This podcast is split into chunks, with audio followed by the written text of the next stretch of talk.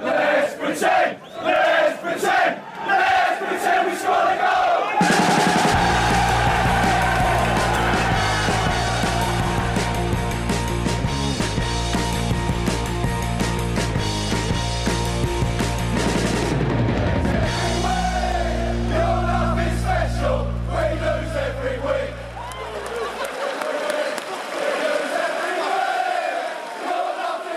Ja, hjärtligt välkomna ska ni vara då till Sportbladets Premier League-podd. Eh, Patrik Syk heter jag, Kalle och Frida, ni är med eh, i varsitt hörn av världen. Yes, det är vi. Testing, testing. Ehm, vi, eh, ja, det, det är inga konstigheter ju. Vi kommer plöja igenom den här helgens matcher eh, i någon slags eh, känslomäss, känslomässig distans har jag ordnat dem nu. Ehm, för Frida, jag tror att Brighton-Manchester United var en match som rev upp en hel del känslor, inte minst hos dig. Ehm, Ja, det, där, har du, där, där ger jag dig rätt. Ja, jag vet att du var, du var eh, närmast bestört efter den här matchen. Så du kan, väl, du kan väl ta oss igenom. Här har vi, liksom, det var fem ramträffar, det var straff efter slutsignal, det var eh, eventuella röda kort som skulle ha delats ut, det var ett Manchester United som var bedrövligt och ett Brighton som var eh, utmärkt och ett eh, United som tog hem alla tre poäng. Ja, alltså jag kan väl börja med att säga att bestört är kanske lite fel ord eftersom att jag försöker ändå vara objektiv. Ehm, men man, det är klart att man var lite bestört Det är ingen eh, som, för, ingen som tror att du är Brighton. Brighton-supporter. Eh, Ja men precis. Eh, Men eh, man vet knappt var man ska börja. Men man kan väl börja med startelvorna kanske. För att alltså United ställer ju ut sitt starkaste lag på, på pappret i alla fall. Och de här lagen möttes ju för inte så länge sedan i juni. Och ehm, alltså matchbilderna, man kan ju säga att de skilde sig avsevärt ifrån varandra. Eh, när de möttes i juni så var ju United totalt överlägsna. Brighton eh, gjorde troligtvis, eh, alltså i mitt tycke i alla fall, sin sämsta match där. Eh, och förlorade också med, med 3-0. Men det var endast fyra, tror jag, spelare eh, från den startelvan i juni som startade även nu i helgen. Så där ser man ju också att det är ganska mycket som har hänt trots att det inte är sådär jättemånga månader sedan de, de möttes. Och tittar man rent statistiskt, alltså i, i efterhand, så är det också en, en avsevärd skillnad. Um, alltså då i juni hade de åtta skott på mål, Brighton alltså, nu var det 18. Uh, ehm, fem ramträffar, uh, bollinnehavsmässigt så var det en ökning från 38% till 53%. Så det här var ju någonting helt annat jämfört med då. Och de gör ju en rakt igenom väldigt, väldigt bra insats. Man har pratat väldigt mycket om Tarek Lamptey nu inledningsvis och det var klart att han stod ju i eh, rampljuset nu också. Eh, inte minst eftersom han ordnar en straff i liknande läge som han gjorde mot Newcastle. Eh, skillnaden var att det var San eh, Maximan då och nu var det Bruno Fernandes istället som gick på eh, den här lilla ja, när han liksom försöker smita förbi och så sätter Fernandes ut ett, ett ben där. Um, men jag tycker väl att uh, den stora stjärnan, eller vad man säger, eller den som man kanske ska rikta ljuset lite mer på den här gången är ju Solly March. Eh, som gör en extremt bra match. Och han har ju lite liknande egenskaper som Lamptey också har. Det här att han är snabb, han är säkert väldigt jobbig att, att möta. Och det är ju för att han egentligen i grunden är en, en ren ytter och så nu har han fått den här eh, wingbacks-positionen som passar honom väldigt, väldigt bra. Och inte minst då eftersom de har tre starka mittbackar där bak som, eh, som klarar av att sköta defensiven. Vilket gör att både Lanty och March får ju alltså, väldigt mycket frihet. Um, Alltså på mittfältet, alltså Adam Lallana och Alzate. Man tänkte väl kanske att Bizuma, i och med att han drog på sig det här röda kortet mot Newcastle, vilket var väldigt onödigt, så, så tänkte man att möjligtvis där att United kommer vinna den matchen på mittfältet, men det gjorde de verkligen inte. Eh, Lalana Lallana och Alzate var extremt bra. Enda anledningen till att Lallana klev ut så småningom är ju för att han inte riktigt har 90 minuter i sig och det påpekade Potter också efter eh, matchen.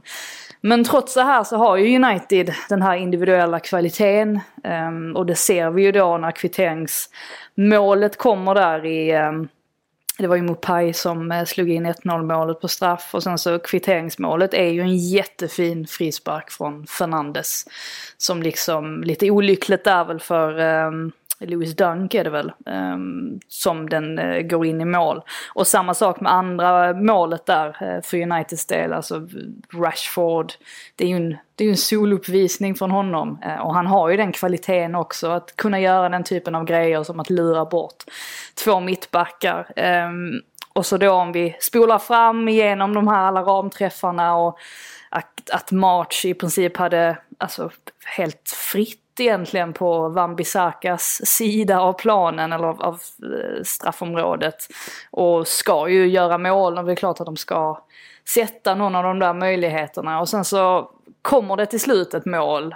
Och sen så när man tänker att nu är det väl ändå, nu är det väl ändå klart, nu har Brighton fått någonting med sig i alla fall. Och så kommer den här signalen efter slutsignalen om att VAR har uppfattat eh, någonting och så är det en hand då på Mupay som ser ut som att han ska börja gråta när som helst. Och går också bort, han vill inte ens stå han vill inte ens stå nära straffområdet när Fernandes ska lägga straffen utan han kliver bort eh, en bra bit därifrån och går rakt ner i, i spelartunneln när Fernandes sätter straffen. Så att det var otroligt omtumlande och United, eh, ja, jag förstår inte, jag förstår fortfarande inte hur de vann. Eh, men är det, är det någonting man ska kalla ett rån så, så måste det ju vara den, den här trepoängaren. Alltså krysset kändes som ett rån. Ja. Och sen, och sen så förlorar man alla poäng. Ja, det var hårt, men det, det handlar ju om att sätta de där målchanserna, Kalle. Det, det, det så, så, enkelt är det ju bara. ja, du drar fram den gamla ja, det, det, det, stämmer väl, eller? Det gjorde ju Fernandes ja. också i och för sig efter matchen. Han, han påpekade det att det, bollarna ska gå i målet, inte ja, i ja. stolpe och ribba. Visst, ja. det får man väl ge honom. Det är väl svårt att argumentera med det eftersom det har varit spelets idé sen eh, sporten uppfanns på sen 1800-talet. Men om man ska titta förbi det så kan man väl säga att eh, någonstans är det väl någon slags individuell kvalitet som avgör, precis som du är inne på. Alltså, eh, Uniteds mål är ju i alla fall de två första eh, effekten av extrem specialitet. Eh, Rashfords mål kom ju lite i skymundan där av matchen, men det är ju ett sanslöst mål. Ja, som hade fått mer uppmärksamhet om det inte hade blivit den där extrema slutsekvensen där. Eh, jag tycker att eh, du summerar det på ett bra sätt. Jag eh, har inte så mycket att tillägga mer än att eh, någonstans i det här fallet så, så var det väl bra att VAR fanns i slutsekvensen där i alla fall, för det var ju en, en solklar straff. Man såg ju på Mopay hur skyldig han såg mm, ut när de väl höll på och tittade på det där. Alltså alla andra Brighton-spelare såg ut som att vad är det som händer? Men han själv kände ju någonstans att oj, det här är inte bra att de tittar på den här situationen. För han kände ju såklart att den hade tagit på handen och det var ju ingen snack om att det var straff den sista. Eh, sen är det ju några intressanta situationer för Brightons del när Connolly ramlar. Eh, jag eh, var inte med riktigt med eh, Viasat-studion där. Jag tyckte nog eh, att ehm, den första var mer straff än den andra. Han, han hjälpte ju till lite för mycket tyvärr, Connolly där, i de där situationerna. Eh, och... Eh, för det är väl en arm uppe, alltså Pogba har väl armen ja, på hans axel? Sen var ju den svårbedömd, för redan innan Pogba hade lagt sin arm på så hade ju Connolly dragit lite lätt i Pogbas mm. tröja, vilket man bara såg om man studerade situationen sådär i efterhand på, på video. Eh, så den var svårbedömd. Jag, eh, jag kan faktiskt inte svara på hur man ska bedöma den där. Alltså den tröjdragningen som Connolly gjorde var ju jättemild. Samtidigt var det ju en tröjdragning innan, innan Pogba hade lagt armen på honom. Och eh, sen tycker jag att han hjälper till lite mycket. Eh, så det var väl de situationerna. Sen fanns det väl andra omdiskuterade situationer också i den här matchen. Eh, Fernandes. Bruno, Bruno Fernandes till, framförallt de som, som hade kort och som var inne i dueller som var lite... Ja, framförallt... ja men jag menar, där när han tar straffen till exempel, Precis. det är inte helt ovanligt att det blir en varning för den typen av förseelse. Mm. Alltså det som var intressant också var ju givetvis att lyssna på Solskär och vad han hade att säga efter matchen. Och då var det ju mycket frågor om försvarsspelet såklart eftersom att de var mm. väldigt öppna framförallt på Van Bissakas eh, kant eh, eller sida eller vad man säger och det är samma, alltså Van Bissaka kan ju inte lastas för, eh, för 2-2 målet där utan det är ju mer Fernandes egentligen som känns lite eh, som att han inte tar jobbet, han, han, han löper inte hela vägen hem.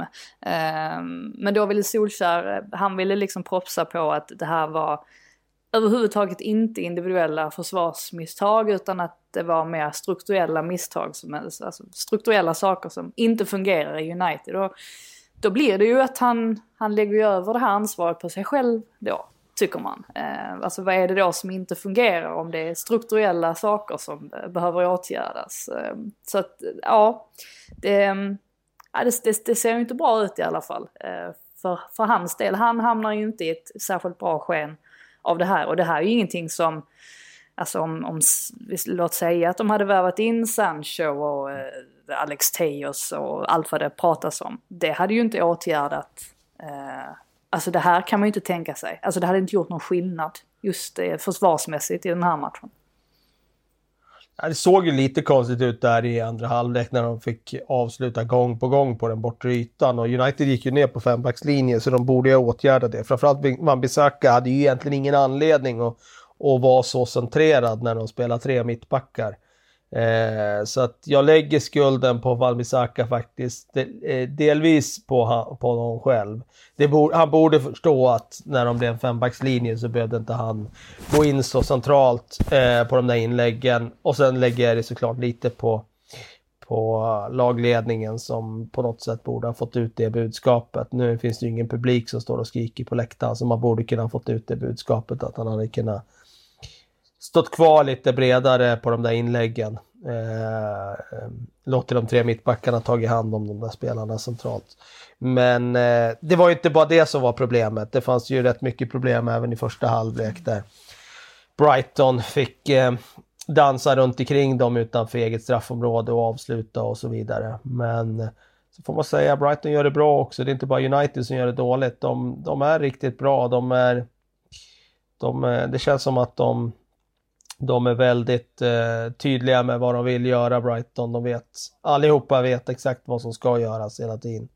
Och oavsett om det är offensivt eller defensivt så är de väldigt välcoachade. Ja, och spelar de så här mot United, um, och om vi jämför då med Newcastle-matchen där de i princip bara kör över Newcastle, det är ju det är ju det här man kan tänka sig att man kommer få se nu under säsongen. Sen är ju frågan hur mycket de orkar. Det är mycket matcher, de har inte jättebred trupp och hela den där aspekten som finns. Men eh, man kan ju absolut se att de, eh, att de ändå kommer överraska så pass mycket att de hamnar betydligt högre i tabellen än vad många eh, hade tippat på förhand. Jag har ju alltid trott på dem, men det är ju, det vet vi. Var väldigt bra mot. Chelsea i premiären också. ja, verkligen. Ska jag säga så, och förtjänade nog få med sig någonting där med. Ja, vi, vi rör oss vidare då från, från eh, Eh, Eh, den matchen ner till, eller upp till Manchester och Manchester City-Leicester 2-5. Vad är det som händer? Vad är det som händer? Eh, alltså om Manchester City som får den här starten som vi tänker att nej men om de smäller in det, en där i första 5-10 minuterna då, då brukar det inte liksom bli så mycket mer. Det är ju en annan sak, har vi sett dem när de hamnar i underläge har de, har de haft svårt eh, att hämta upp. Men just det där när de får den där starten, de öppnar ju alltid i väldigt högt tempo, eh, får in en eller ibland två bollar och sen så eh, kan de bevaka den här och har liksom bollinnehav och allting. Men, men, eh, ja, men Leicester bara kommer tillbaka och ja, det blir ju en överkörning till slut. Jag vet inte riktigt vad som, vad som händer med Manchester City. Så Jamie Vardy, eh, vilken form han är i, vilken spelare han liksom har utvecklats till. Eh, vad vill ni börja egentligen? Nej, vi kan ta det från början. City gjorde ju faktiskt en väldigt bra start på matchen. Inte bara med det där målet efter tre minuter, även efter det. Som du säger, de börjar ofta bra, men nu fortsatte de pubba på. De hade ju mycket väl kunnat göra det där 2-0 målet och kanske inom citationstecken stängt ihop det hela. Ehm, nu fick de inte in den bollen och sen istället så blev det ett Leicester som eh, fick göra det som de hade satt upp laget för att göra, det vill säga ställa om. Och när de väl fick göra det och de lägena dök upp. De hade ju faktiskt haft ett antal lägen innan de fick utdelning. Mm. Då strimlade ju de bara sönder Citys backlinje. Um, det är ju pikant att orsaka tre straffar i en och samma match. Och om man dessutom gör det på det sättet som de gör. Det var väldigt liksom klumpigt individuellt försvarsspel i väldigt många situationer. Då får, måste man ju resa enorma frågetecken för Citys chanser att få ordning på det där, för Peps chanser att få ordning på det där. Eh, ja, det är svårt att försvara mot Leicester och Vardy när de får de där ytorna att ställa om på, men eh, det, var, det var påtagligt stora ytor som City bjöd på och det var de blev väldigt utlämnade i försvarsspelet. Rodri fick ju mycket kritik efter den här matchen för att han inte klarade av att täcka ytan framför backlinjen. Och där, då är vi tillbaka på det där som vi har varit tidigare med Fernandinho och, och i den där rollen och att man inte har någon riktig ersättare till honom. Eh, när han spelar ensam defensiv mittfältare så har han klarat av att täcka den där ytan på ett sätt som ingen annan har klarat av att göra när, när han är borta. Var det inte ganska märkligt byte, alltså från Pep, att man plockar av Fernandinho och sätter in Delap? Det, det blir ju ett helt Jo, det annat... blev helt fel. Kasta in honom. blev det. De kastade in Delap. Ja, just det. Ja, det, är, det är ju Rory Delaps son. Vi har ju skojat om det många gånger nu. Eh, Nej, men jag bara menar att det blir ju... Det, Alltså det är klart att eh, alltså Rodri, Rodri är ju ingen Fernandinho men han blir ju också väldigt ensam i att täcka den här ytan framför backlinjen. Um, så att på något sätt så kändes det nästan som att Pep övertänkte hela grejen. Det har aldrig hänt förut. Ju, det är ju, det är ju, det, som, det är ju det som också är intressant, att det var inte jättelänge sedan han gjorde det. Alltså om man tänker på Lyon-matchen nu i Champions League där många spelare ska ha varit väldigt upprörda efter den matchen och undrat vad, vad sysslar du med egentligen? Varför, varför kunde vi liksom inte, varför spelar vi inte som vi, som vi alltid gör? Varför skulle du ändra på grejer nu? Um, och att han lite grann kanske gör ett nytt misstag då som uh, möjligtvis spelarna kanske kan ställa sig frågande till. Det är ju, um, ja, det är ju lite intressant för att man har alltid sett Pep Guardiola som i princip um, vad säger man, alltså att han, man kan inte röra honom på något sätt, att han, eh, eh, det, det, är inte han som, eh, han kommer lämna City frivilligt och så vidare. Eh, men ja, man kanske inte ska dra för stora växlar, men det, det är ju i alla fall en eh, prekär situation för City. Mm. Ja, Nathan Ake har ju inte haft det så himla roligt eh, nu med får chansen att spela och sen orsaka fem, eller orsaka så ska jag inte säga, men laget släpper in fem mål på, på hemmaplan. Det har ju laget, ja, har ju aldrig gjort det såklart under Pep och eh, känslan är väl att eh, när man tittar på det så var det att man behöver köpa ytterligare förstärkningar till det där försvaret för att... Det är ju på eh, väg. Ja, precis. Och det, det var väl också, jag vet inte om det, det... Det är väl klart direkt efter matchen vad jag förstår. Ja. De har ju såklart tittat på honom länge, men det kändes som att de tittade på matchen och sen bara, ja, nej, vi får nog skriva på det här. Ja, men tittar man på, på backlinjen som ställer upp så är det ju Kyle Walker, e- Erik Garcia, Nathan Ake och Benjamin Mendy. Och det är klart att det finns defensiva brister i den backfyran. Ja och, sen, ja, och sen ska det väl sägas också att de har ju några, eller några, de har ju rätt många skador ändå. Eh, alltså inte minst där fram och jag tänker ju då på Agüero till exempel som mm. han hade ju behövts i den formen som vi såg honom förra hösten. Eh, exempelvis. Men sen, alltså, vi pratade ju väldigt mycket om det förra säsongen, det här avsaknaden av eh, company eh, som hade lämnat då. Nu har ju liksom David Silva också lämnar klubben. Det blir färre och färre spelare med um, ja, en lång bakgrund i city och kanske framförallt ledaregenskaper. Alltså Raheem Sterling är ju väldigt, väldigt mycket. Men alltså någon särskilt framträdande ledare kan jag inte se honom som. Och nu är det väl Fernandinho som har, eller som bär kaptensbinden och han är, han är kanske inte heller den mest um, um, vad säger man, säger man vokala på svenska, uh, spelaren som, som Högljudda. finns. Högljudda spelaren som finns. Mm. Um, Så där, där tror jag faktiskt att de har ett problem. Och det kan låta lite klyschigt det där med att åh, det saknas ledare i laget. Men eh, det är ju viktigt ändå i slutändan. Ja, det är superviktigt. Kolla på Liverpool hur många ledare och säkert informella ledare de har i sin trupp. Mm. Med van Dijk, med, med Henderson, med eh, säkert Fabinho också nu när han har liksom växt in i kostymen med, med eh, Milner och så vidare. Det, det är en annan typ av eh, omklädningsrum och, och ledarskap. Mm. Och jag tror att det är ett jättetomrum efter kompani. Det såg vi i förra sång, säsongen och jag tror att det, det kvarstår. Uh, ja, verkligen. Och uh, vi måste, måste vi, vi måste jag, nämna... Jag, jag, måste säga en grej också, ja, uh, om, om målen. Ja, jag, jag, tänkte precis komma till det. alltså, ja, förlåt. Jamie Vardys avslut. Alltså han sätter ju två, två straffar, men det målet som inte är straff, nu kommer jag inte ens ihåg vilket av målen i ordningen det var. Det är ju ett, av de, ett, ett, ett, av de bästa avsluten man har sett. Och i konkurrens med Mares avslut i början av matchen eh, och med Madisons avslut i slutet på matchen. Det är ju tre sagolika mål som vi får se. Ja, det får man säga.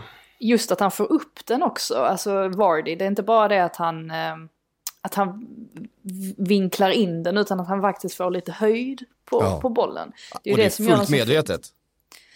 Ja, men jag tycker nog ärligt talat ändå att jag tycker lite synd om Mares att han gör matchens eh, första mål. För att det var, eh, det var ett riktigt fint eh, avslut ändå. Superfint. Den var han inte riktigt i närheten på, Kasper Schmeichel. De hade kunnat, de hade kunnat stå tre Kasper Schmeichel i det målet, det hade blivit mål ändå. Ja, ja men verkligen. Ja, det är otroligt. Eh, otrolig match överhuvudtaget. Ehm, och eh, Madison kommer in eh, igen då från bänken. Det är väl tredje matchen i rad nu som han, som han kommer in och får en sådär 25-30 minuter. Och är ju också otroligt bra när han kommer in, fixar ena straffen och sen så sätter han det där mycket vackra långskottet i slutet och sätter punkt då för den här 5-2-segern för Leicester. Och eventuellt så är väl han snart redo för, för eh, startplats igen. Och då kommer de bli ännu vassare. Jag har en liten, jag har en liten teori om Jamie Vardy, för jag tycker att han har liksom utvecklats som forward. Om han för, ja, när de vann titeln då till exempel var verkligen mest en utpräglad omställningsspelare. Det var liksom, det var rakt, det var en lång boll, rakt ner, löpduell och sen avslut på ett tillslag. Brendan Rogers förtjänst kanske. Ja, precis. Det är väl lite den, den känslan. Alltså, tittar man på den spelaren som, alltså, nu ska vi inte ta för, dra för stora växlar mellan de här två spelarna, utan det är egentligen parallellen eh, Brendan Rodgers eh, som jag vill åt här. Hur Suarez var i, i Ajax, känd för att ta liksom, avslut eh, så fort han fick dem. Han sköt från alla lägen. Mycket liksom frenesi och energi såklart. Eh, kom till Liverpool och utvecklades till någonting annat, blev liksom en världsstjärna där. Eh, och jag, min teori är att Brennan Rogers har tagit ungefär samma koncept till eh, Jamie Vardy och utvecklat honom. För jag tycker att han, han ser verkligen ut som en komplett forward nu. Han, han löper smart, han löper för sina eh, medspelare på ett helt annat sätt. Han har mer tanke i sina avslut än vad han kanske hade för eh, ett antal år sedan. Och så kommer ihåg att han gjorde Premier League-debut som 27-åring. Eh, Vardy och eh, har ändå lyckats peta in 108 mål och det känns som att han fortfarande blir bättre. Ja men verkligen, han är ju en av de, de största får man ju säga nu. Um, har han ju seglat upp som under 2000-talet. Det är svårt att inte räkna in honom bland dem i alla fall. Ja, verkligen. Um, är det en otrolig resa. Vi, uh, ja, om Manchester City då skulle vara Eh, den, den eh, stora utmanaren till Liverpool den här säsongen så var det väl många frågetecken som dök upp här. En annan utmanare som eh, många hade målat upp inför helgen då var Arsenal som har sett fina ut i början i sina två första matcher på säsongen.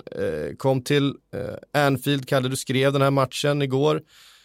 vad var det för Arsenal som kom dit? Var det ett Arsenal i form? Ja, men det var ju ett Arsenal som andas optimism. Det är ju ett Arsenal som eh, tycker jag är eh, ett Arsenal 2.0 som de aldrig har blivit någon gång efter Wenger eh, tidigare, utan det är ju nu de har blivit det egentligen sen Arteta har omformat dem och eh, gaskat upp till hela klubben tycker jag. Både på och utanför plan tycker jag att det är en helt annan eh, känsla och mentalitet kring Arsenal. Ehm, jag tycker att det är ett Arsenal som är på rätt väg. Men det är också ett Arsenal, när man har sett matchen, som fortfarande är väldigt långt ifrån att kunna matcha Liverpool. Ehm, jag tycker att de, man kan inte säga att de ska spela matchen på något annorlunda sätt eller gjort något annorlunda. Ändå så är det ju så enormt stor skillnad mellan de här två lagen och det handlar ju till syvende och sist mest om att Liverpool är på en nivå som, som de andra lagen inte är. Eh, vad var det, 21-4 i avslut eller något sånt där. Och då kände man ändå att Arsenal, ja men de kunde kanske ha fått med sig en poäng om de hade gjort mål på nåt av de där lägena. Lacazette hade där i andra halvlek, men då är man ju greppar efter halmstrån. Sett till det stora, eh, den stora bilden så, så är ju Liverpool helt överlägsna i den här matchen. Och då är det ju ändå ett Arsenal som någonstans, har vi har vant oss tidigare med, i alla fall genom åren, är ofta spelförande i sina matcher. Nu tycker jag i och för sig att de har blivit mindre spelförande i toppmatcherna nu under Arteta. Han har ju faktiskt lyckats att göra dem lite mer organiserade, disciplinerade och automatiskt lite mer reaktiva. Men eh, det, det är en så enorm kvalitetsskillnad jämfört med Liverpool eh, i den här matchen och det, jag tycker det understryker att eh, det är lång, lång, lång väg att vandra även den här säsongen. En, en stor skillnad också om man jämför med alltså Community Shield-finalen för inte sådär jättelänge sedan var ju att det var mycket som inte gick Arsenals väg heller. Ainsley Maitland-Niles till exempel var ju extremt bra i Community Shield-finalen och nu kändes det som att han inte slog en enda passning rätt um, överhuvudtaget. Så att um, mycket sådana där liksom tekniska misstag också eh, från Arsenals sida som man absolut inte har råd med mot Liverpool. För att eh, Alltså jag håller ju inte riktigt med, eller jag såg ju också att, att Klopp reagerade ganska starkt där efter matchen över att Roy Keane eh, kallade eh, insatsen för lite lite sloppy. Um, och jag kan förstå varför Klopp blev så upprörd som man blev för att Liverpool var ju extremt bra. alltså de var ju verkligen eh, över Arsenal från början till slut. Med det sagt så är det ju väldigt imponerande av Arsenal att ändå lyckas klamra sig fast ganska långt in i matchen och ändå bara så att säga ligga under med 1-2 och ändå ha chans att ta sig in igen. Um, för att eh, Liverpool var ju helt, helt outstanding. Ja, det var ju ett väldigt, ett väldigt defensivt Arsenal såklart som eh, fick spendera nästan hela, hela matchen på egen planhalva. Och det, eh, det här är ju den typen av match som Liverpool tidigare har haft eh, svårt att hantera. Vi har sett på senare säsonger att de har liksom vant sig vid att få vara det spelförande laget, något man liksom inte ville vara under Klopps kanske två första säsonger. Eh, I laget utan det är någonting som har vuxit fram och nu problemet som har varit är att man har bara egentligen lyckats med det tidigare säsonger när när Henderson har, har spelat helt enkelt, när Henderson inte har varit på planen, då har liksom passningsspelet blivit lite för långsamt, eh, det har varit lite för lätt för motståndarna att eh, att försvara sig. Nu har man dessutom tagit in då Thiago som ska vara liksom, som är ännu ett snäpp bättre på det här spelet då, på att hålla uppe passningstempot och öppna upp eh, eh tajta försvar. nu var, nu var ingen av dem på planen igår och man ser att även det övriga laget har liksom vuxit i den här rollen, i det här spelsättet för Liverpool. Eh, det tyckte jag var, var ganska tydligt igår. Jag tror att det här är en match som för ja, ett eller två år sedan med den här matchbilden med ett Arsenal som ändå försvarar sig så disciplinerat och så bra. Och med, så lågt. Och så lågt med så duktiga omställningsspelare. Det hade ju varit en mardröm för Liverpool. Nu hanterar man det otroligt mycket bättre.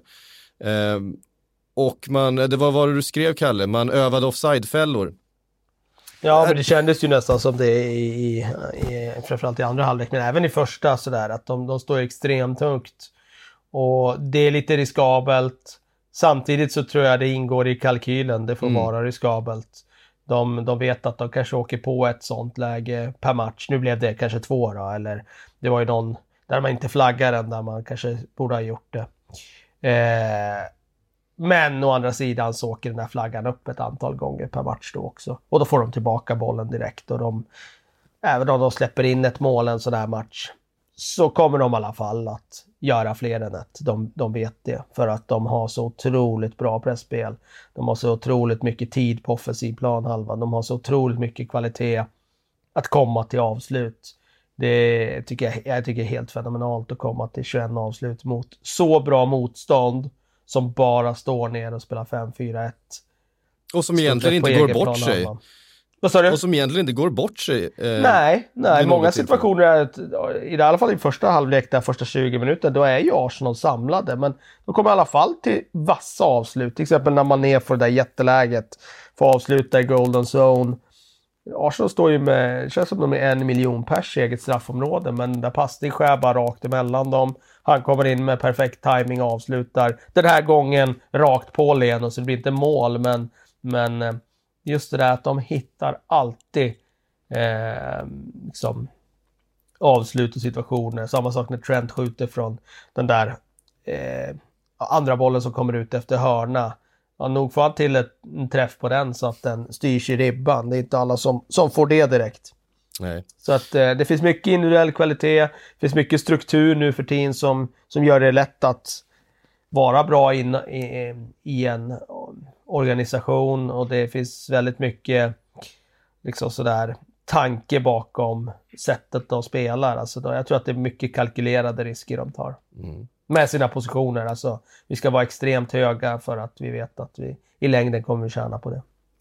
Eh, Sadio Mané var, var en av matchens förgrundsfigurer, men kanske skulle han ha åkt ut redan i andra minuten. Vad säger ni? Om den där armen som åker upp? Ja, det är ju det är ett gult kort i alla fall. Eh, sen om det är rött, jag vet inte. Men eh, gult är det ju definitivt. Han kändes hur som helst ganska övertaggad. Det var ju två, två ganska så här, eh, ja, riviga grejer han gjorde där inom loppet av en och en halv minut kändes det som. Han var, um, han var på tå. Och han var ganska bra sen också. Det var han. Mm. Är det någon som kan hota Liverpool den här säsongen? Nej, det, det kan jag fastslå direkt. Det är det inte. Eh, det laget som hade kunnat göra det, det är ju Manchester City och de har visat nu att de kan släppa fem mål på hemmaplan mot Leicester och då, då har jag väldigt svårt att tro att, eh, att de kan tvätta bort de barnsjukdomar som fanns från i fjol. Jag kan inte se det. Eh, sen är Liverpool för komplett också. Alltså, titta på deras elva så det finns liksom inga svagheter. De kan göra alla typer av mål.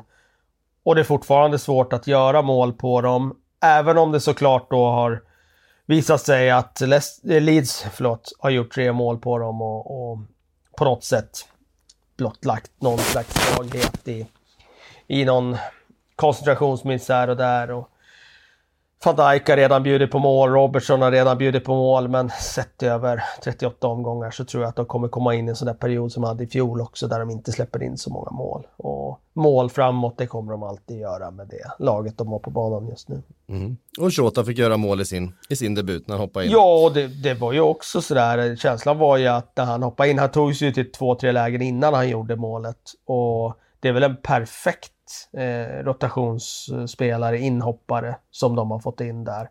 Han kommer inte klaga på att han sitter på bänken. Han är ju en omställningsspelare. Många gånger kommer ju Liverpool ha ledningen när han kommer in.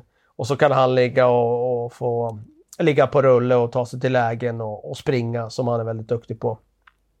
Mm. Eh, så den, den kändes helt rätt nu när han hoppade in verkligen. Men det kändes rätt från början också när, när de presenterade värvningen. Men det kändes helt rätt nu när man såg han i Liverpool-tröjan också. Ja, alltså i vår Premier League-bibel så eh, skrev jag upp Chelsea som en av lagen som eventuellt skulle kunna hota då uppåt. De hade 0-3 borta mot West Brom i halvtid, Frida. Eh, vad var det som hände där egentligen?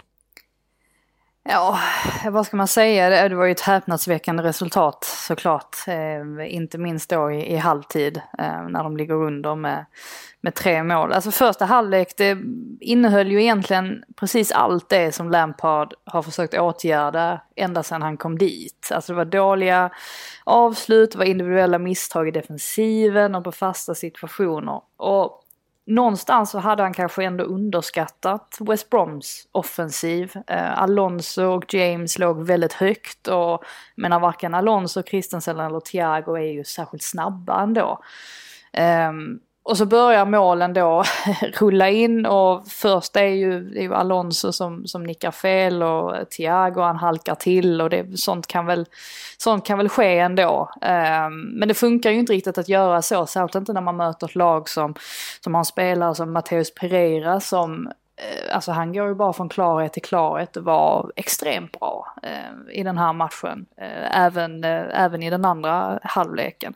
Och i halvtid så har man ju fått veta då att eh, det sker ju någonting där. Lampard eh, plockar av Alonso och Kovacic är det väl. Och Kovacic går ju ut och sätter sig med de andra på läktaren. Men Alonso kommer inte tillbaka ut utan han går och duschar och sen sätter han sig i spelarbussen och eh, ser andra halvlek. Och eh, det ska ju inte ha fallit Lampard särskilt väl i smaken så att Alonso fick sig en rejäl avhyrning eh, inför eh, alla andra spelare efter matchen. Så vi får väl se hur det, hur det går där så att säga. Eh, nu verkar det ju som att eh, Chilwell är eh, spelklar, eller han förväntas i alla fall spela nu mot eh, Tottenham i ligacupen ikväll. Så att eh, ja, vi får se hur det går för eh, Alonso och hans fortsatta Chelsea-karriär. Men vidare till andra halvlek så får man ju ändå säga att de gör en eh, imponerande upphämtning där. Och det är ju lite speciellt ändå att det är tre akademispelare som eh, hamnar i målprotokollet. Ehm, blir lite symboliskt för att För Lampard... ombyggnationen. Ja, precis. Alltså Lampard har att de har en bit kvar um, fortfarande.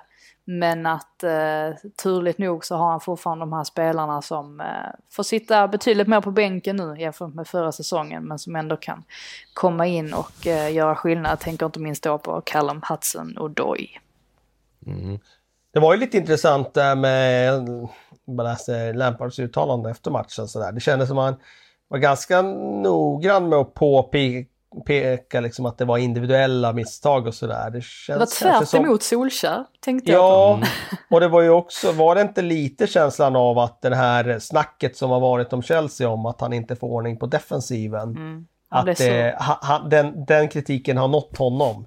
Så han uh, har, har ganska angelägen om att påpeka att det var ingenting som han kunde göra. Han kunde ha hur många möten som helst med laget och tar man inte sin markering så går inte att göra så mycket. Och det finns väl såklart en poäng i det. Klart som tusan att Alonso till exempel slumrar till när 3-0 målet görs och han eh, liksom står, eh, jag vet inte vad han gör. Eh, han borde ha följt sin gubbe i alla fall men gör inte det och, och, och West Bromwich får göra 3-0 i öppen kasse. Eh, det var någonstans jag läste om just det där med hans utskällning av Alonso där att känslan hos andra spelare är att Alonso kan ha spelat sin sista match i, i Chelsea. Mm. Vi får se hur det blir med det. Ja, eh, nej men en del frågetecken runt eh, Frank Lampard ju, eh, från ganska många håll efter eh, den här eh, inledningen på, på säsongen. Eh, om och man ska komma ihåg att Frank Lampard är ju en, eh, alltså han är ju ganska ny som tränare på den här nivån. Det här är hans andra säsong. Um, och det, det slog mig ju att det, om man tittar på den då, traditionella topp 6 som vi har pratat om de senaste säsongerna så är det ju liksom, du har tre stycken eh, före detta spelare, eh, ganska orutinerade managers på den högsta nivån. Lampard, Arteta och Ole Gunnar Solskär. Och de, de, andra tre är i stort sett de, mest, de, de tre mest eh, meriterade, i Mourinho, Klopp och Guardiola. Eh, och att det på något sätt måste betyda någonting. Eh, i vad man har. För det tänkte jag skulle leda oss in på nästa eh, match. Nämligen eh, Palace-Everton. Ett Everton som har börjat väldigt bra och som ju har en av de ja, definitivt mest dekorerade och rutinerade tränarna i världsfotbollen, eh, Ancelotti på bänken. Ehm, och som ju kanske har gjort det som Lampard inte har lyckats med. Eh, värvat mycket spelare, värvat väldigt bra spelare, fått de spelarna han velat ha och fått igång dem fått dem att fungera i ett system eh, direkt från start. Eh, det är inte så lätt och nu tar man igen då, även att det var liksom på håret och igen en sån här hans situation som vi har sett några stycken av den här eh, helgen som, som eh, vinner. Men eh, ett Everton som tar tre poäng igen då och är fulltaliga, eller full, vad säger man? Han har full pott. Man har full pott så här långt in i säsongen. Är ni imponerade av eh, Ancelottis eh, arbete så här långt? Ja, nej men absolut. Um, man var väl lite, alltså innan de här värvningarna gjordes av uh, James och Allan framförallt så tänkte man sig väl kanske att uh, han skulle fortsätta med det här 4-4-2 men uh, det har han ju helt övergett då till den här 4-3-3 och ja, svårt att säga att det inte fungerar. Alltså tittar man bara på, alltså rent statistiskt så har ju deras alltså mål per matchsnitt har ju mer än dubblerats.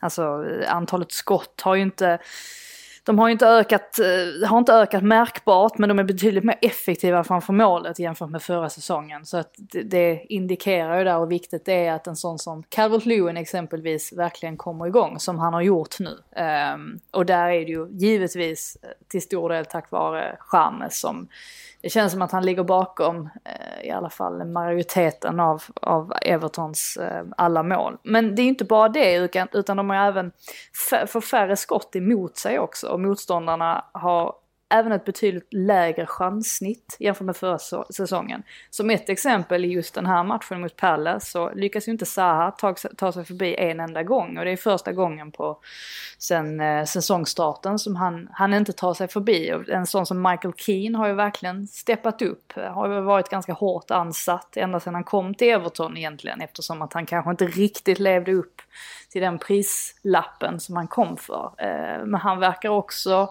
Eh, känna sig betydligt lugnare nu när han har alarm framför sig. Så att det är mycket som eh, görs rätt i Everton. Så att just nu är det ju nästan så att man lutar sig lite, alltså att det lutar lite åt att det är Everton som liksom kan komma att liksom vara med där uppe och alltså det är såklart Liverpool är på en helt egen nivå men man tycker ju definitivt att Everton ska ha en alltså, extremt bra möjlighet mot alla lag egentligen i, i ligan, så som de ser ut eh, just nu. Sen kommer de ju undan, eh, precis som vi var inne på där med i just den här matchen, att de får en hands med sig efter att Joel Ward olyckligt höll ut den från, från kroppen lite för långt. Men eh, nej, eh, de ser väldigt, väldigt starka ut. En situation som har blivit väldigt eh, omtalad just den här eh, eh, såklart och Roy Hodgson var ute efteråt. Han är ju rätt mycket part i målet om man säger så, men även Jamie Carragher var ute och, och eh, svingade mot den här nya handsregeln eh, som vi har tagit upp tidigare också. Eh, och när vi nu eh, rör oss över till Newcastle Spurs 1-1 mm. så blev den ju extremt avgörande. Ett Newcastle som var, eller vad säger ett Spurs som var eh, överlägset egentligen spelmässigt i den här matchen. Newcastle hade i stort sett ingenting. Eh, men hade en, en reservmålvakt som jag har glömt skriva upp namnet på nu. Darlow. Darlow. Carl Darlow. Exakt. Det var ungefär som den där Tim Krul-matchen, eh, också för Newcastle en gång i tiden mot Spurs.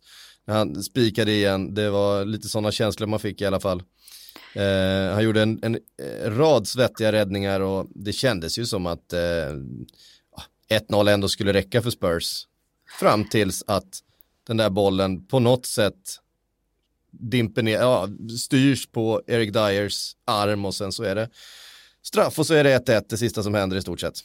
Ja, alltså absolut. Alltså känslan fram till, vad, vad var det, 93 minuten eller vad det var, eh, är ju att Tottenham gör en extremt bra match.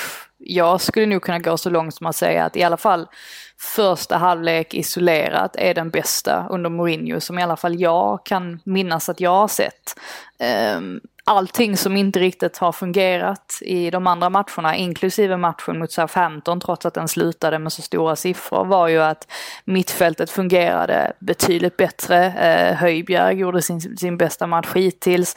Kane behövde liksom inte droppa ner så långt och, och rädda upp det genom att bli någon sorts playmaker som, som man ser en tendens av att han måste göra annars. Och de hade ju total kontroll egentligen, alltså från början till precis då i slutet när de tvingas släppa in det här eh, straffmålet då från Callum Wilson. Mm, det var väldigt, jag satt väldigt nära Mourinho eh, under hela matchen och det var eh, han, han, var ju, han var ju inte nöjd eh, någonsin eh, kändes det som. Han var eh, väldigt sådär eh, igång redan från början och eh, det, var, det var många svordomar riktade mot alltså både linjedomaren och det var femtedomaren. Jag tror det var Mike Dean som var femtedomare. Det såg ut så i alla fall. Jag såg inte, han hade ju mask på sig. Men eh, han var, eh, han var igång så att säga. Men det, det var väl antagligen för att han han är ju väldigt cynisk och negativt lagd och han visste väl att eh, något sånt här kan helt plötsligt ske om man bara leder med 1-0. Eh, och så sker det ju, men eh, lyckligtvis för hans del så var det ju inte han som fick rött kort utan det var hans assisterande som skickades upp på, eh, på läktaren. Men eh, det är svårt att inte känna med Spurs eh, den här gången, eh, definitivt. Det var ett hårt, hårt avslut. Ska vi, ska vi prata om den här handsregeln nu då? Igen.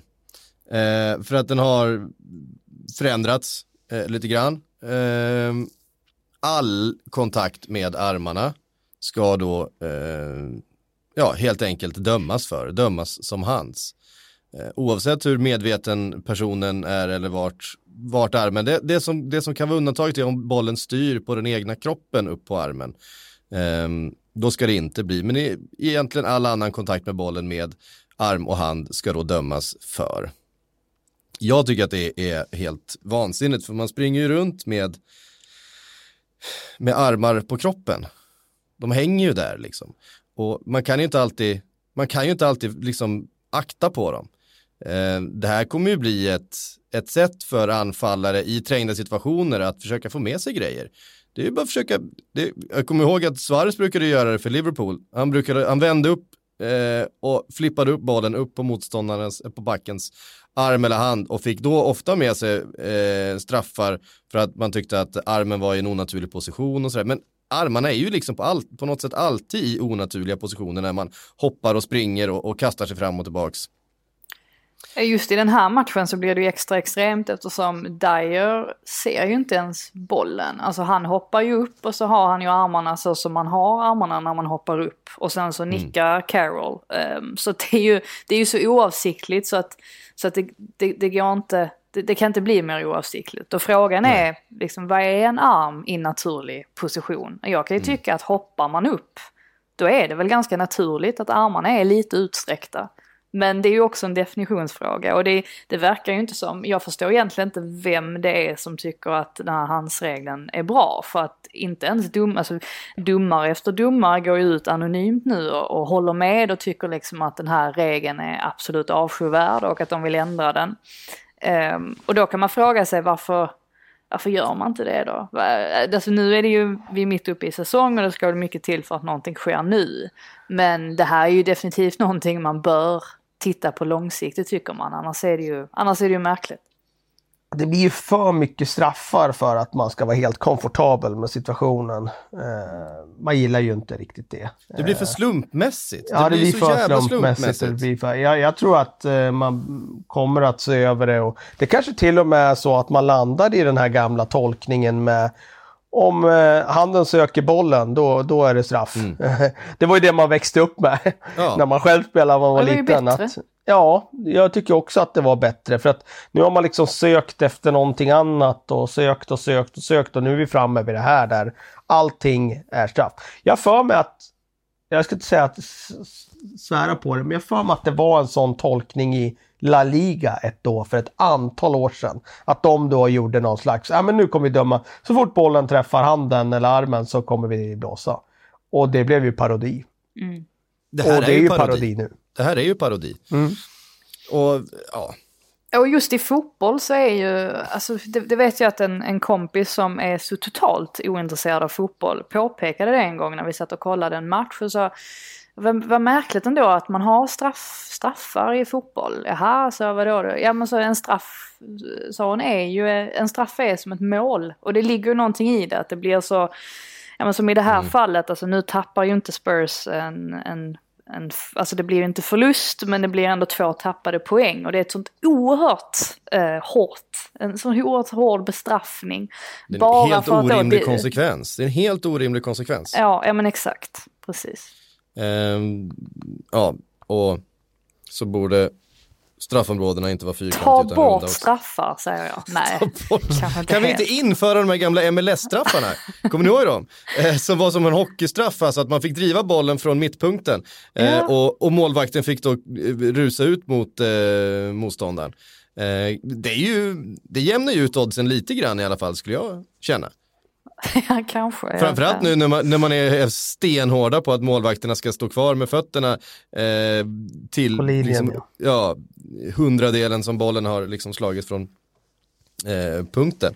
Eh, det är ju eh, det, det, är, det, är för, det, det är för stor konsekvens för, eh, för en hands eh, som är helt o, omedveten. Det, det är samma sak med Joel Ward, han har ju heller ingen, han har ingen chans att, att akta armen där. Nej. Eh, och eh, ja, det, det, det är en bedrövlig regel som det är just nu. Den Ja, har det ju inte varit bra på länge, men Alltså det är ju snarare mer onaturligt, alltså det här med, med de försvararna som försvarar med armarna bakom ryggen. Är inte det mer onaturligt Mycket. än att faktiskt ha armarna längs kroppen fast en bit ut? Alltså jag, ty ja, jag tycker det är märkligt. Ja ja, eh, märkligt var också resultatet mellan West Ham och Wolves, tycker jag. Eh, av alla konstiga resultat, eller förvån, förvånande resultat som var i helgen, så tror jag det här var det som jag, det sista jag hade tippat. Eh, West Ham 4, Wolverhampton 0. Eh, ja, det är ett Wolves som eh, kanske lider lite utav Jorge Mendes-sjukan. Har de bytt för mycket spelare? Är det för mycket unga portugiser som ska in i det här? Det är svårt att få ihop det. Alltså jag tycker väl snarare att, eh, alltså har man inte lite grann underskattat West Ham också inledningsvis? Alltså det har varit så mycket i med allting som har skett utanför planen för West Hams del så har det blivit väldigt så här typ att, alltså att de flesta har förväntat sig att West Ham kommer att typ åka ur Premier League. Tycker ändå att, alltså dels där i, i premiären tyckte jag inte de var så dåliga egentligen mot Newcastle. Det var mest att de liksom, de var, ju inte, de var jätte, väldigt ineffektiva. Mot Arsenal spelar de ju faktiskt eh, väldigt bra fram till då att de åker på det här snöpliga målet i, i slutet. Och likaså i den här matchen så är de ju all over the place i princip. Och det är ju verkligen kul att se att det är en sån spelare som Jared Bowen och eh, Susek som dominerar i West Ham nu och inte... Januarifönstret, januarifönstret levererar. Ja men precis, och det är inte Allaire, det är inte Anderson, eh, Lanzini. eh, Nej, det, det, det är ganska häftigt faktiskt. Och just att de... ehm, ja men det kanske är så att David Moyes borde fortsätta kolla matcher hemifrån tv-soffan. För att eh, det, det fungerar ju uppenbarligen, även om han, han är ju insjuknad i corona är det va? Ehm, Och eh, styr ju fortfarande matcherna eh, via sin assisterande då. Men eh, via, jag vet inte, han måste sitta med ett headset tänker man sig och ha, ha kontakt med honom. Men det fungerar ju uppenbarligen. Ehm, så att nej, väldigt imponerande och som sagt Jared Bowen. Kul att se att han levererar. Han verkar vara en väldigt, väldigt sympatisk kille och kommer ju liksom från det här gänget då i Hull som eh, imponerade så mycket under Marcus Silva trots att de åkte ur med Harry Maguire och Andy Robertson och så, och så vidare. Så att, eh, nej. Mm. Ja, de har ju redan värvat in Snodgrass från samma, samma gäng där. Ehm, tror ni Moise har någon specialfeed hem till sig? Tror han har tillgång till alla de här vinklarna? Och det finns ju en kamera som är som någon slags eh, övergripande taktisk kamera som jag gissar att de gör mycket eh, video, videoanalyser och sådana här saker av sen, Kalle. Tror ni, tror ni Moise har en, en specialfeed hem med, med massa olika vinklar och sådär som man kan följa matchen via? Ja, men har de inte den eh, Frida i England? Kan man inte få den viewn i England om man vill? Jo, det har man kanske. Ja, jag tror det i alla fall. Sky tror jag erbjuder den om man har den, så det har han säkert. Om man, om man pröjsar för det. Precis. Det får vi nästan Det utgå beror ifrån. på tror inte Gold gör Sullivan det. där. De har ju lite, de har ju har lite ont om med det. cash i West Ham så att eh, de kanske har fått spara in på, på tv-abonnemanget. Han sitter och fulstreamar. Precis. En hack, hackig sån eh, liten bild med någon eh, arabisk kommentator. Eh, sitter han och följer matchen. Nej, det skulle jag inte gissa på heller. Eh, Frida, blir Rice kvar? Ja, det, det, jag blir väldigt, väldigt förvånad om han inte blir det. Jag räknar med att han i alla fall är kvar till nästa sommar. Sen tror jag att Chelsea gör ett nytt försök kanske att värva honom. Mm. Eh, jag vill bara säga någonting om Sheffield United Leeds också innan vi svarar på lite frågor. 1-0 till Leeds efter målet av Bamford igen. Mm. Eh, han har kommit igång, verkligen. Eh, var ju så lovande länge, den gamla Chelsea-produkten. Eh, utlånad i evighet och han skulle ju ta det där klivet, klivet med gjorde aldrig. Kanske blir det nu i den här säsongen då, eh, för Leeds. Otroligt viktigt att de får sina tre poängare för som sagt, vi alla räknar ju med att de kommer att dippa sen när den här bensinen tar slut och de inte kan spela sin hög eh, intensiva fotboll. Så att det är ju otroligt viktigt att de har lite fallhöjd när de väl går in i, i eh, nästa fas av säsongen. För att det kan inte vara möjligt att de ska upprätthålla den här liksom, ja, vad ska jag säga, hög, och, högoktaniga fotbollen. Liksom. Mm. Det är snarare mer oroväckande då för Uniteds del som, alltså de är, jag tror de är en av sju klubbar i de fyra högsta ligorna som ännu inte har gjort mål. Um, men och det satt och tänkte lite på det vad, vad anledningen kunde vara till att jag tror väl att man nog kan säga att Sheffield United är det laget som har tappat mest sen återstarten då efter pandemin. Mm. Och kanske är det så att det är United som tappar mest, alltså rent kvalitetsmässigt och spelmässigt, när det inte finns någon publik på läktaren. För tittar man rent statistiskt, antal avslut, målsnitt, tacklingar och så vidare, så är det en dramatisk försämring på alla de här punkterna. Och kanske är det då liksom publiken på Bramall Lane som gör att de kan höja sig ännu ett snäpp och spela över sin förmåga. Och då kan man inte luta sig, luta sig mot det längre. Eh, det kan ju vara en av eh, anledningarna i alla fall till att det ser ut som det gör. Ja, de följer ju upp en väldigt tung trend som de hade redan i somras då på, i återstarten eh, och har ju det var ganska länge sedan de vann en fotbollsmatch nu i, i ligan faktiskt. Mm. Eh, Sheffield United som vi hyllade så mycket. Förra säsongen. Det ska väl kan, tilläggas kan också att de hade ju en, en hel del eh, avslut. Alltså Meslier gör ju en jättebra match eh, och insats i målet. Så att mm. eh, ja, de har inte riktigt flytet på sin sida. Nej, vi går över och svarar på lite frågor innan vi stänger butiken för idag.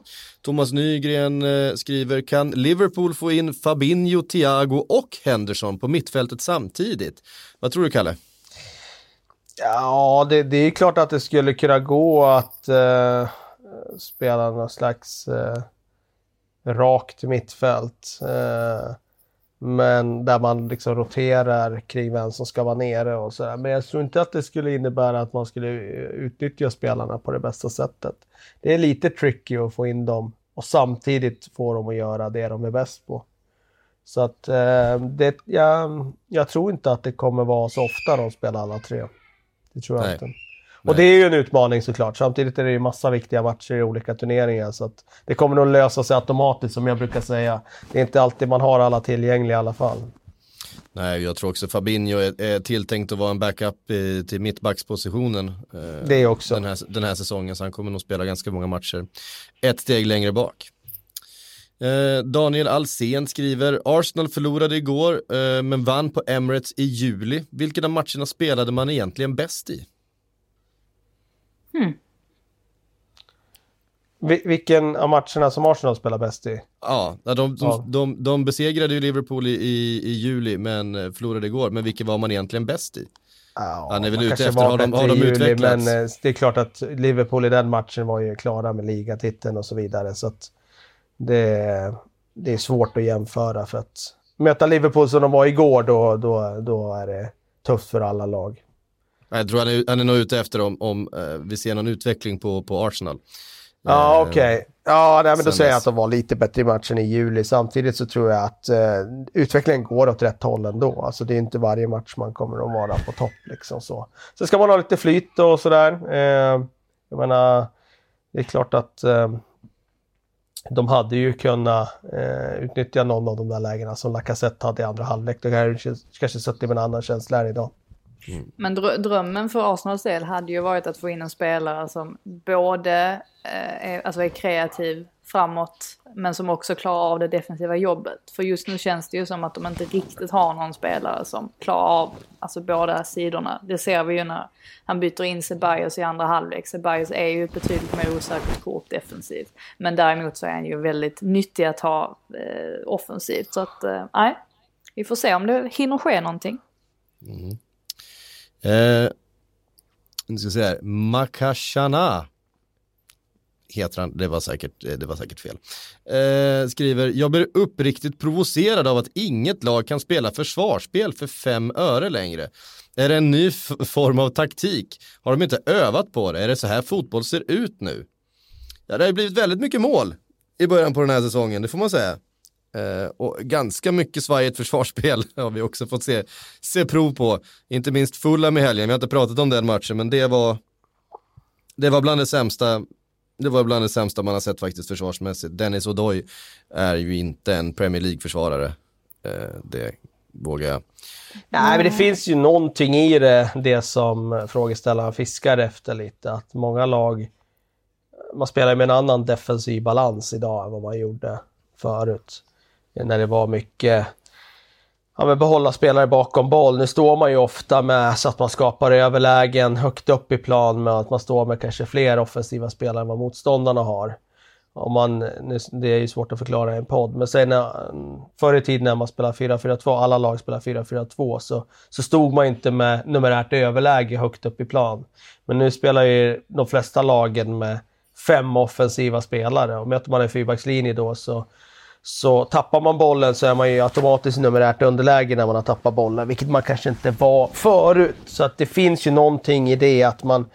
Dagens fotboll öppnar för att... Eh, det ena har ju drivit på det andra. Lagens försvarsspel har drivit på att man måste bli mer kreativ offensivt. Nu är man mer kreativt offensivt och riskerar lite mer med sin uppspelsformation och då är det klart att då blir du lite mer sårbar för omställningar. det är fortfarande så att omställningsspel är det absolut vassaste vapen för alla lag oavsett om man är Liverpool eller Manchester City eller, eller Leeds eller vad man än är så kommer man oftast att göra mål när man har vunnit bollen eh, när motståndarna är oorganiserade. Så att eh, det finns ju någonting i det att försvararna blir betydligt mer utlämnade idag än vad man blev tidigare. Mm. Eh, Nami Madavi skriver, är inte Mourinho den mest lämpliga ersättaren till Pep? Säkra defensiven och luta sig tillbaka på Kevin De Bruynes och Fodens individuella kvalitet. Ja, jag hade velat se ett All or Nothing och deras miner när de presenterar José Mourinho som ersättare där. Då hade jag velat vara fluga på väggen i Citys eh, trupp där, omklädningsrum. Men ligger det inte någonting i det då, att det är det de Nej. behöver? Jag menar, Nej, offensiven finns ju där. Att, det, att de behöver honom. Det gör det faktiskt inte. okay. eh, jag... Eh, ja, man ska inte utesluta någonting, det har man ju lärt sig. Jag menar, om någon hade sagt för ett år sedan att att Tottenham skulle ersätta Mauricio Pochettino med, med Mourinho så hade man ju inte trott på det. Men, eh, men eh, jag ser det som helt otänkbart att City skulle gå i... i Framförallt så länge de har, de har kvar den här sportsliga ledningen också. Ja, precis. Begerstein, det går att hämta Mourinho. men vem kommer City gå för då, om man tänker post... Pep? Juan Malio plockar eh, rollen efter Pep. Nej, jag vet inte. Det är ju Peps nya assisterande tränare som är mm. lika idealistisk eh, som, som Pep, om inte mer. Eh, nej, jag, jag, vet faktiskt inte vem man tar, men eh, man hade kunnat eh, råna banken för Nagelsmann kanske. Ja. Mm. Kanske kan eh, locka tillbaka Arteta om han... Ja, varför inte? Eh, beroende på hur det går. Ja, ja, ja, eh, vi får se.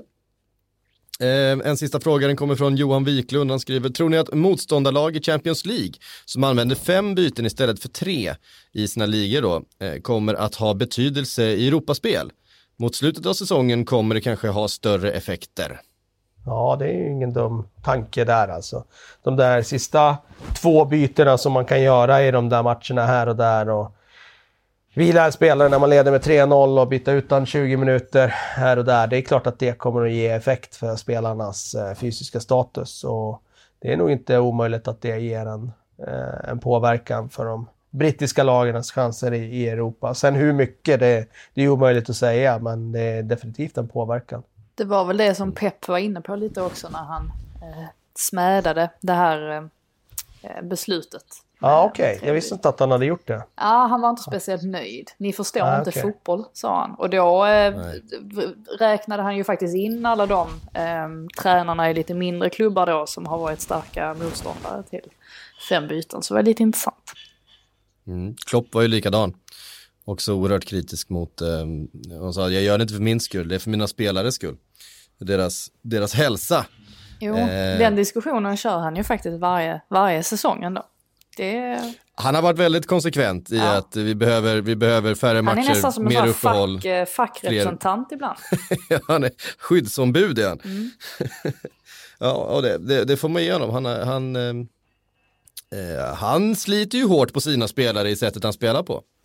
Ska man komma ihåg också. Och sättet de tränar på. De tränar oerhört hårt. Eh, och att ehm, då behöver man också tillfälle att vila och det finns inte så många sådana, inte minst en sån här säsong. Jag får börja spela mer som Burnley. Mm. ja, precis. Träna mer som, ja, vad hade vi för lag som inte tränade så hårt? Levante tränade inte så hårt under Juan Ignacio Martinez där säsongen 2011. Då var de ju 10-11 den säsongen där. Då, då var de ju... Eh, hade ju en väldigt ålderstigen trupp det året. Och han blev ju känd och den gick ju otroligt bra då, Levante. Eh, och hugg på Champions League-platser då. Och eh, de eh, eh, blev ju kända då för att han han eh, lät ju spelarna hoppa träning och så vidare. Och liksom, de tränade inte så hårt och de tog, fick ta någon, någon öl här och där. Liksom. Men det var, lyckades ju i det fallet. Men Leeds ja. måste ju ändå fem plus träna... Alltså Leeds måste ju ändå träna hårdast. Ja, det, det, det, det skulle jag tro. Det gör de nog. Det gör de nog. Garanterat. Ja. Garanterat. Ja, fantastiskt. Eh, hörde ni, tusen tack för att ni var med idag. Eh, fotbollen bara rullar på. Nu är det ligacup igen och så är det Europa League-kval och Champions League-kval och ännu mer ligacup och sen så är det nya matcher till helgen igen. Sportbladets Premier League-podd är tillbaka nästa vecka igen. På återhörande då.